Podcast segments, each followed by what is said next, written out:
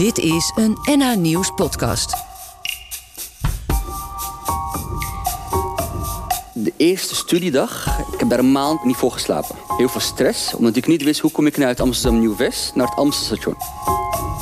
Toen dacht ik dat mijn wereld instort en dat iedereen het ook meemaakt. Wat maakt nou dat je uitvalt? Want ik weet zeker dat elke moeder, elke vader wil het beste voor zijn of haar kind. Ik ben Abdelhamid Idrissi, ik ben oprichter van Stichting Studiezalen. Ik zet mij in in het duurzaam vergroten van die kansen van de jeugd... door te werken aan die fijne nachtrust.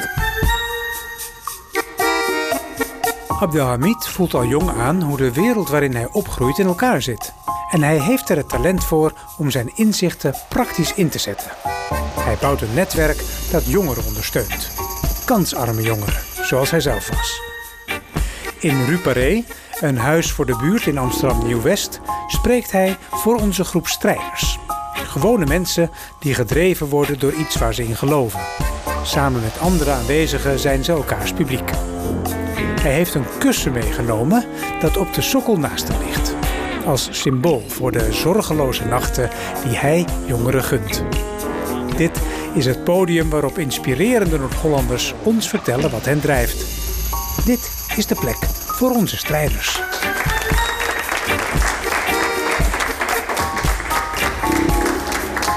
Ik ben al ruim 11 jaar aan het bouwen aan Stichting Studiezalen. Maar eigenlijk weet ik sinds een kleine 2,5 jaar pas waar we voor staan. Dat is die fijne nachtrust voor het kind. Want ik heb ontdekt dat het opkrikken van een wiskundecijfer van een 4 naar een 7, van 4 naar een 10, Nederlands, Frans, het leren leren, dat dat niet voldoende is. We zijn pas tevreden als het kind dus fijn slaapt en eigenlijk zegt: Ik heb je niet meer nodig. Ik kan het nu alleen aan.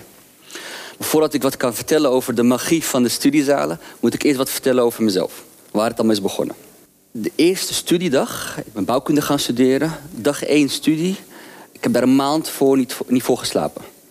Heel veel buikpijn, heel veel stress, omdat ik niet wist hoe kom ik nou uit Amsterdam Nieuw-West naar het Amstelstation. Waar vind ik die metro? Hoe stopt die metro? Wat gebeurt er als ik de verkeerde overstap neem? Toen dacht ik dat game over leven is en dat mijn wereld instort. Ja, en eigenlijk dat iedereen het ook meemaakt.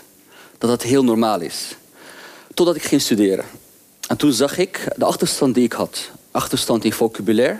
Wat betekent nou metselwerk? Wat betekent plint, isolatie, doorsnedes?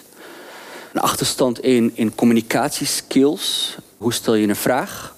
Hoe uit je emoties? Maar ook hoe zeg je nee? Ik was gewend om ja te knikken continu, terwijl ik nee moest zeggen. Maar ook in randvoorwaarden, zoals die laptop die ik nodig had om die tekeningen op te kunnen maken. Gelukkig had ik daar wel mijn vader en mijn moeder die aangaven: opgeven zit niet in ons vocabulaire.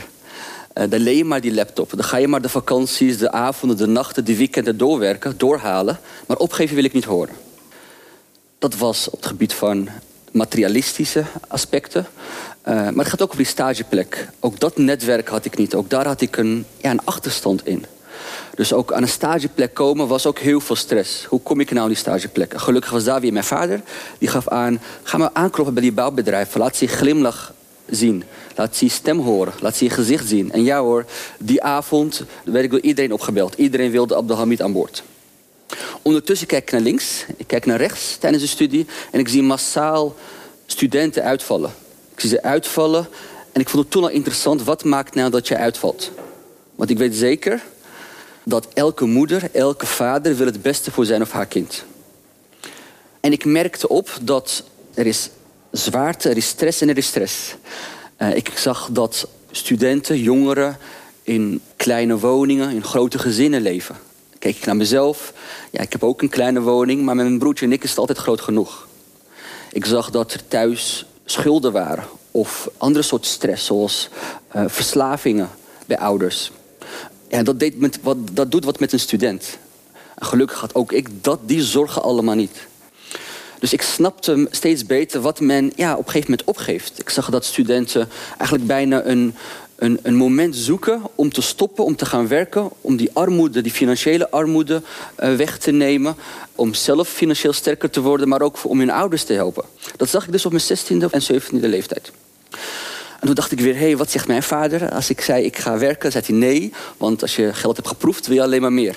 Dan zei ik, ja papa, oké papa. maar vervolgens uh, mocht ik wel werken. En ik ging dan werken bij de Albert Heijn in dit geval. In Amsterdam Nieuw-West, in Geuzenveld, op de Lamberto Zijlplein. Solliciteerde ik als teamleider. En ik was de leidinggevende van de jongeren in mijn wijk. En ik zag er heel veel gedrag waar ik me aan stoorde, waar ik me zorgen om maakte. Ik zag hoe jongens elkaar pesten, meiden elkaar pesten, hoe men de klant pest. En ik wist al, er bestaat kansongelijkheid. En zo worden die kansen alleen maar smaller en smaller. Dus ik ging mij ja, nog beter luisteren naar die kinderen, naar die jongeren. En ik weet nog heel goed een avond dat een moeder mij opbelde om 7 uur s avonds. En die gaf aan, mijn zoon kan niet komen werken, want hij moet naar de tandarts. Gelukkig kon ze geen betere smoes bedenken. 7 uur s'avonds standaard, dus ik ging de wijk in. Toen heette het nog het Naaldje de Jongplein, nu het Abdelhak Nouriplein. En ik zag die jongeman inderdaad daar voetballen. Ik riep hem even naar me toe en ik gaf aan, hey, moet jij niet werken? Wat is dit?